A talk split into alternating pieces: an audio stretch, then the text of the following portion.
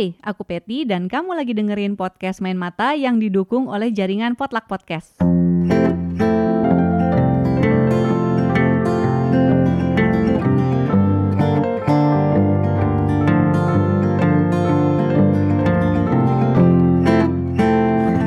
Podcast Main Mata adalah podcast buku yang ngebahas banyak hal seputar dunia perbukuan seperti obrolan dengan para pelaku, mulai dari penulis, penerbit, editor, dan lainnya.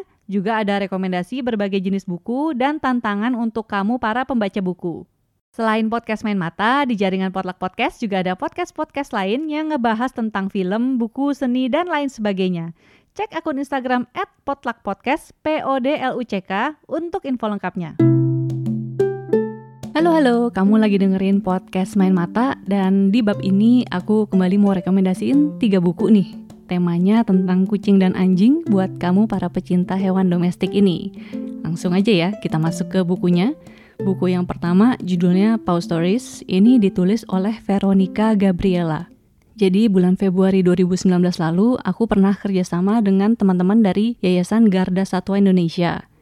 Ini yayasan yang fokus ke penyelamatan hewan-hewan domestik, khususnya anjing dan kucing. Nah, selain dari Yayasan Garda Satwa Indonesia, waktu itu juga kerjasama dengan yayasan yang fokus ke orang utan, namanya Borneo Orangutan Survival Foundation. Waktu itu kami bikin pameran seni, dan salah satu kegiatan di dalamnya itu ada talk show diisi oleh teman-teman dari Garda Satwa Indonesia dan juga dari Borneo Orangutan Survival Foundation. Dan waktu itu talk show-nya sempat disiarin di Potluck Live, tapi yang Garda Satu Indonesia karena kesalahan teknis ternyata nggak bisa. Dan setelah acaranya berakhir, Vero sempat nyolek ke Potluck Podcast karena dia pengen denger talk show-nya. Tapi ya karena tidak bisa, ya udah kontek-kontekan kami ya cuman gitu aja dan udah selesai terus belum ada obrolan apa-apa lagi. Nah, selang setahun, ternyata Vero nerbitin buku berjudul Paw Stories. Dan waktu launching bukunya bulan Maret kemarin, dia juga ngundang Davina Veronica dan Ica yang sekarang mendirikan Yayasan Nata Satwa Nusantara. Ganti nama sih dari Garda Satwa Indonesia, tapi fokusnya masih sama, tentang penyelamatan hewan domestik. Dan karena aku juga suka anjing dan kucing, aku senang banget waktu dikasih tahu Vero dia menulis buku ini. Jadi kali ini aku mau rekomendasiin kamu buku Paw Stories. Jadi buku ini diterbitkan oleh Yo Books. Ini tuh imprintnya Alex Media Komputindo, grupnya Gramedia juga. Tebal bukunya nggak tebel-tebel banget, cuma 210 halaman dan di dalamnya tuh ada isi pengalaman pribadi Vero sebagai penulis, gimana dia hidup berdampingan dengan satwa domestik. Jadi dari yang dia tadinya cuma ngasih makan kucing-kucing di jalan pas lagi lewat, sampai akhirnya dia juga berani untuk mengadopsi anjing. Ilustrasi di dalamnya juga manis-manis banget. Ini dibuat oleh Yola Ayurveda. Sinopsis di halaman belakang buku Paw Stories kayak gini. Hewan sering kali dipandang sebelah mata dan makhluk yang lebih rendah dari manusia, sehingga nyawanya seakan tidak berarti. Kepedulian terhadap hewan bahkan tak jarang dianggap sebagai tindakan kurang kerjaan. Tapi benarkah demikian? Sejumlah kisah street feeder, adopter, animal rescuer, aktivis animal shelter, hingga dokter hewan dalam buku ini memberikan pandangan baru. Dilengkapi sejumlah ilustrasi apik, buku ini mengajak pembaca menelusuri kembali hubungan manusia dan hewan. Sebab, sejatinya rasa kemanusiaan akan teruji saat berhadapan dengan kondisi hewan yang membutuhkan. Manusia tak perlu menjadi penyayang hewan untuk peduli terhadap kesejahteraan hewan. Kita hanya perlu satu, hati nurani. Mungkin ya, seperti yang ditulis di sinopsisnya nih, kalau misalnya ngomongin soal penyelamatan hewan-hewan domestik, pasti akan ada aja yang mikir kalau ini tuh bukan prioritas, soalnya masih banyak hal penting lain yang mesti dipikirin. Dan mungkin emang bener, masih banyak banget hal yang harus dipikirin, tapi ya justru itu juga sebenarnya menurutku sih ya, setiap orang punya porsinya masing-masing dan kalau ada yang memilih buat mendedikasikan waktunya buat hewan terlantar, ya bagus dong. Jadi kamu bisa dedikasiin waktumu untuk hal lain juga yang nggak kalah penting, ya nggak? Dan ini kalau aku sih, berhubung aku suka binatang dan dari kecil juga dibesarkan oleh orang tua yang emang penyayang binatang, aku cukup jajing sama orang yang nggak suka binatang. Ya kalau cuman nggak suka karena emang nggak biasa memelihara atau hidup berdampingan sih nggak apa-apa ya. Tapi kalau sampai kasar atau nyiksa binatang sih wah ya udah warning banget sih. Berani nyiksa makhluk hidup lain berarti ada kemungkinan dia juga bisa nyiksa sama manusia nggak sih? Lagian juga ya yang bikin ada banyak banget hewan domestik terlantar di jalan juga sedikit banyak karena peran kita-kita juga gak sih? Maksudnya manusia ya. Misalnya nih, mulai dari breeder yang gak bertanggung jawab, dia cuma mikirin ngejual binatang demi dapat duit, sampai ke pemilik yang pengen piara binatang tapi ya cuman mau pas lucu-lucunya aja. Kalau binatangnya sampai sakit atau gimana-gimana dia lepas tanggung jawab terus ujung-ujungnya nggak diurusin. Kalau kamu follow akunnya Nata Satwa Nusantara di Instagram, kamu akan nemuin banyak banget kasus penyiksaan terhadap binatang yang aduh ada yang cukup sadis sampai aku sendiri mikir kok ada ya orang yang tega berbuat kayak gitu tapi ya ternyata emang ada aja sih walaupun gak sedikit juga yang mau berbuat baik dan merawat hewan-hewan yang disiksa itu. Ya anyway, kalau ngeluh terus ya emang gak akan ada habisnya ya. Makanya aku seneng banget di buku Pau Stories ini Vero bisa menghimpun orang-orang yang rela membagi waktu dan uangnya untuk bikin hewan-hewan domestik di jalan seenggaknya jadi lebih bahagia lah hidupnya. Jadi di buku Pop Stories ini selain ada pengalaman pribadi Vero, dia juga mengumpulkan cerita-cerita dari yang tadi itu ada street feeder, ada adopter, terus ada rescuer, dan ada juga tips-tips tentang anjing dan kucing. Kalau tentang street feeder, mungkin kalau kamu belum tahu, mereka ini adalah orang yang suka kasih makan anjing dan kucing jalanan di jalan secara rutin. Jadi di tasnya tuh udah pasti deh mereka selalu nyetok makanan kucing atau makanan anjing. Jadi setiap ketemu anjing di jalan, mereka udah siap sedia makanan. Di sini ada beberapa orang yang diangkat oleh Vero Pertama ada Erda Nurwidiani. Dia ini suka bagi-bagi makanan ke kucing dan berbagi informasi seputar kegiatannya dia lewat akun @hellocatsid. Terus ada juga Dewi Ayu Elien, dia bagi-bagi makanannya ke kucing dan anjing. Kalau kamu mau cek bisa lihat di Instagram pribadinya di @dewiayuelien. Tulisannya D E W I A Y U E L L Y I E N. Kemudian ada juga yang namanya Agustian, dia juga suka bagi-bagi makanan ke kucing dan anjing. Kalau kamu mau cek akun Instagramnya di @keepstreetfeeding. Terus yang terakhir di bab street feeder ini ada Umara Kalsa dan ibunya Jeki Rono Hadikusumo.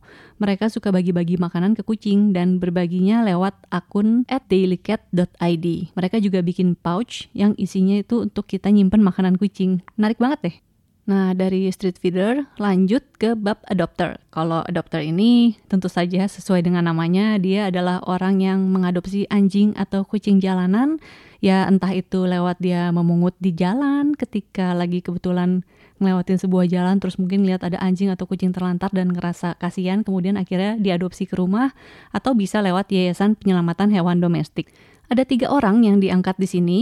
Yang pertama itu namanya Penny Pujiati dia mengadopsi bayi kucing yang dia temuin di jalan. Akun kucingnya ada di @bilbo.ebob.cat. Gemes banget sih si kucing Bilbo ini suka difotoin dengan kostum lucu-lucu dan kelihatannya nurut-nurut aja gitu. Coba deh kamu lihat.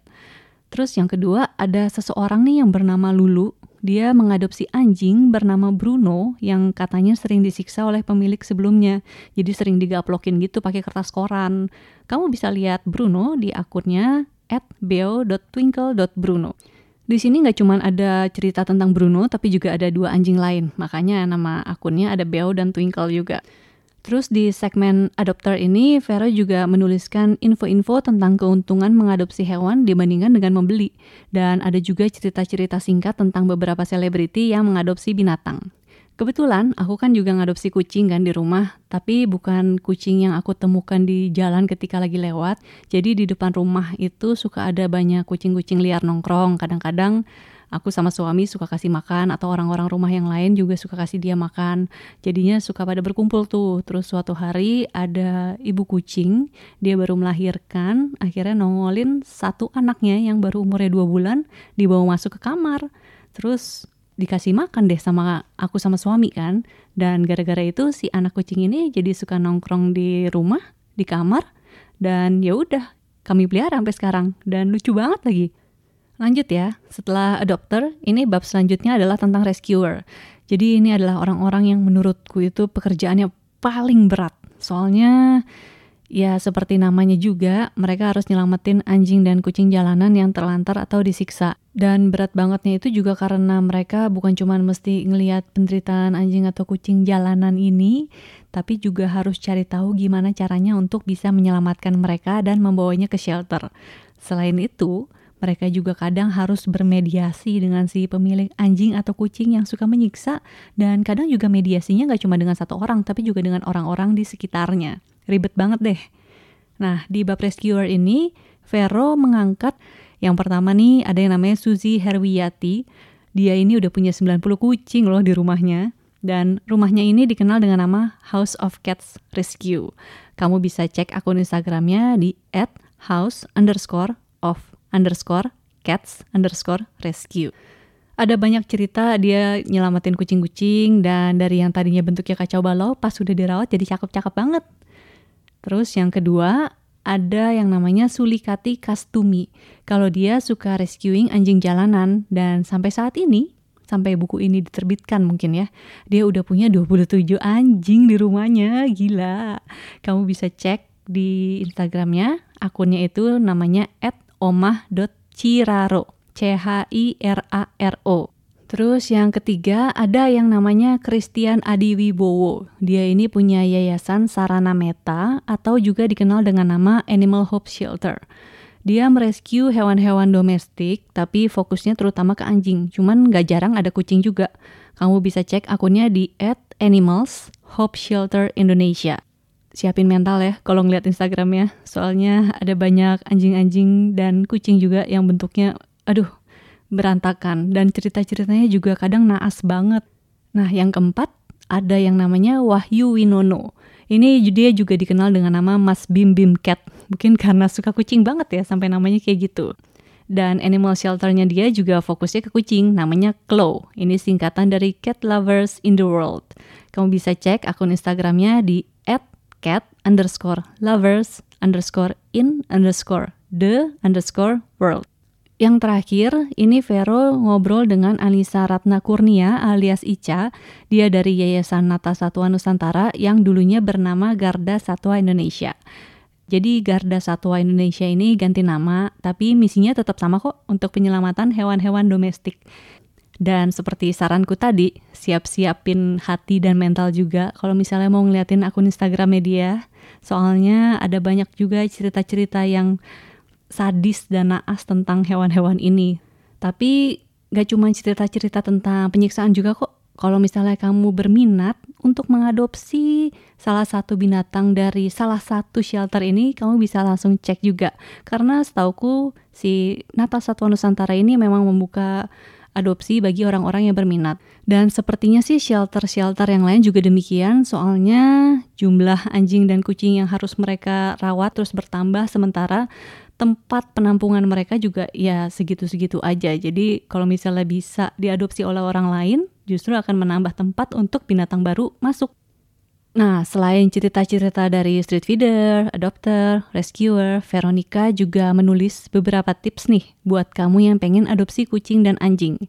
Selain itu juga ada tanya jawab bareng beberapa dokter hewan, jadi ada yang ngebahas tentang sterilisasi, terus ada juga yang ngebahas tentang vaksin. Overall, menurutku buku ini oke okay banget buat kamu koleksi. Apalagi buat kamu yang pengen tahu lebih banyak tentang hewan-hewan kucing dan anjing, dan juga pengen berkontribusi lebih untuk bikin hidup mereka lebih baik. Gak harus ikutan untuk jadi salah satu yang dibahas di buku ini kok. Kalau kamu mau berbuat lebih, kamu bisa support dari jauh dengan mendukung orang-orang yang udah melakukan porsi mereka. Soalnya mereka selalu butuh dukungan dari orang-orang kayak kamu. Selain bukunya Pau Stories yang ditulis oleh Veronica Gabriela, sebenarnya masih ada banyak banget buku-buku bertema kucing dan anjing yang menarik untuk dibaca. Ada buku puisi, buku novel, dan buku non-fiksi tentang kucing dan anjing itu juga jumlahnya banyak banget di toko buku. Nah, aku sempat nanya ke teman-teman nih soal buku-buku tema kucing dan anjing ini. Terus ada dua temanku yang pertama namanya Teguh Avandi, dia ini editor sastra Gramedia Pustaka Utama dan ada juga Uca, dia ini pembaca yang aktif di Instagram dengan akun @enthalpybooks. Mereka berdua merekomendasikan buku yang sama, yaitu buku yang ditulis oleh James Herriot. Jadi James Herriot ini adalah dokter bedah hewan di pedesaan di Inggris dan dia juga penulis. Dia bikin beberapa buku yang isinya itu cerita-cerita tentang berbagai binatang, tapi sebenarnya fokus utama dia itu ke tentang kucing dan anjing. Dan dua buku Harriet yang aku mau bahas di sini, ini yang judulnya Dog Stories dan Cat Stories. Ini dua buku yang berbeda, tapi masing-masing berisi cerita tentang pengalamannya Harriet waktu dia menangani anjing dan kucing yang menjadi pasien-pasiennya. Lucu-lucu banget ceritanya. Misalnya di buku Cat Stories nih, ada cerita-cerita tentang kucing yang suka ngeliatin pemiliknya pas si pemiliknya ini lagi jaga toko permen. Terus ada juga cerita tentang kucing yang hampir mati dan si kucing ini berhasil diselamatin oleh Harriet. Dan ternyata si kucing ini sosial banget anaknya. Dia suka nongkrong aja gitu ke acara-acara yang diselenggarain di kotanya. Terus suatu hari si pemilik sebelumnya entah kenapa bisa menemukan kucing ini karena dia tahu karakter kucingnya unik banget, sosial banget tadi itu. Jadi akhirnya dia nyamperin ke Harriet dan bilang kalau ini kucing saya. Harriet tadinya mungkin agak-agak nggak rela ya karena udah sayang, tapi akhirnya dia juga mengembalikan si kucing ini ke pemilik sebelumnya itu. Nah, di buku Dog Stories juga kurang lebih sama. Ada cerita-cerita yang lucu, menyenangkan, sedih, dan mengharukan tentang anjing dan pemiliknya. Misalnya nih, ada cerita tentang anjing yang kelenjar anusnya sering kejepit gitu. Terus ternyata si anjing ini juga kegendutan soalnya pemiliknya sering ngasih dia makan kue-kuean. Padahal sama si Harriet udah dilarang, tapi pemiliknya ngeyel. Katanya bosen kalau makan ayam terus, kasihan. Ya gitu deh. Yang sedih juga ada cerita tentang lansia, dia punya anjing yang udah tua juga. Kalau dari ceritanya kelihatannya sih dia hidup miskin. Dan si lansia ini istrinya sudah meninggal, jadi dia hanya hidup berdua dengan si anjing. Pas Harriet ngecek ke rumahnya, si anjing ini ternyata kena kanker karena perutnya udah bengkak banget dan udah menderita banget. Jadi Harriet mengusulkan untuk disuntik mati aja supaya si anjing nggak menderita lebih lanjut. Dan untungnya pemiliknya setuju. Pas diminta bayaran, Harriet menggratiskan biayanya. Awalnya sih si pemilik ini nggak mau, tapi karena dipaksa ya udah akhirnya dia terima deh harganya gratis. Tapi di akhir cerita akhirnya si pemilik ngasih Harriet cerutu. Aduh, sedih banget. Dan ini adalah cerita di masa-masa awal karirnya Harriet, jadi menurut dia ini tuh membekas banget ceritanya. Aku baca buku Dog Stories dan Cat Stories ini versi terjemahan bahasa Indonesia-nya. Ada versi cetak dan e-book juga. Tapi yang ku baca versi e-booknya belinya di Gramedia Digital. Kamu bisa cek langsung ke sana. Dan menurutku ya, dari versi terjemahannya ini juga, aku tetap bisa ngerasain kalau tulisan-tulisan Harriet tuh memperlihatkan banget kalau dia benar-benar jatuh cinta dengan pekerjaannya, dan dia juga sayang banget sama anjing dan kucing. Pokoknya bagus-bagus deh ceritanya, kamu harus baca. Kayak menyenangkan dan menenangkan, enak buat dibaca malam-malam. Kalau kamu suka dengerin audiobooknya, ada yang nyaranin juga untuk beli versi audiobook buku James Herriot di audible.com. Katanya voice actor untuk buku ini bagus banget dan aksen Britishnya juga enak didengar. Oke, itu aja rekomendasi tiga buku kali ini. Terima kasih buat kamu yang udah dengerin. Kalau kamu mau ngasih komen atau masukan juga tentang buku-buku bertema kucing dan anjing yang menarik untuk dibaca, boleh loh mention atau DM yuk di Instagram bisa ke @patricia.wulandari atau ke @potluckpodcast. Di Twitter juga bisa ke @patipatigulipat. Dan kalau kamu menikmati konten yang kami sajikan, kami akan sangat berterima kasih sekali kalau kamu mau ngerekomendasiin podcast Main Mata ke teman-teman kamu, khususnya yang suka baca buku. Jangan lupa juga follow podcast Main Mata di Spotify, beri dukungan untuk jaringan Potluck Podcast dengan follow dan subscribe di Spotify, YouTube, dan lainnya. Untuk informasi lengkap seputar episode terbaru yang akan tayang dari channel-channel podcast yang ada, follow aja jaringan Potluck Podcast di Instagram @potluckpodcast. Tulisannya P O D L U C K Podcast. Segitu dulu ya. Dadah.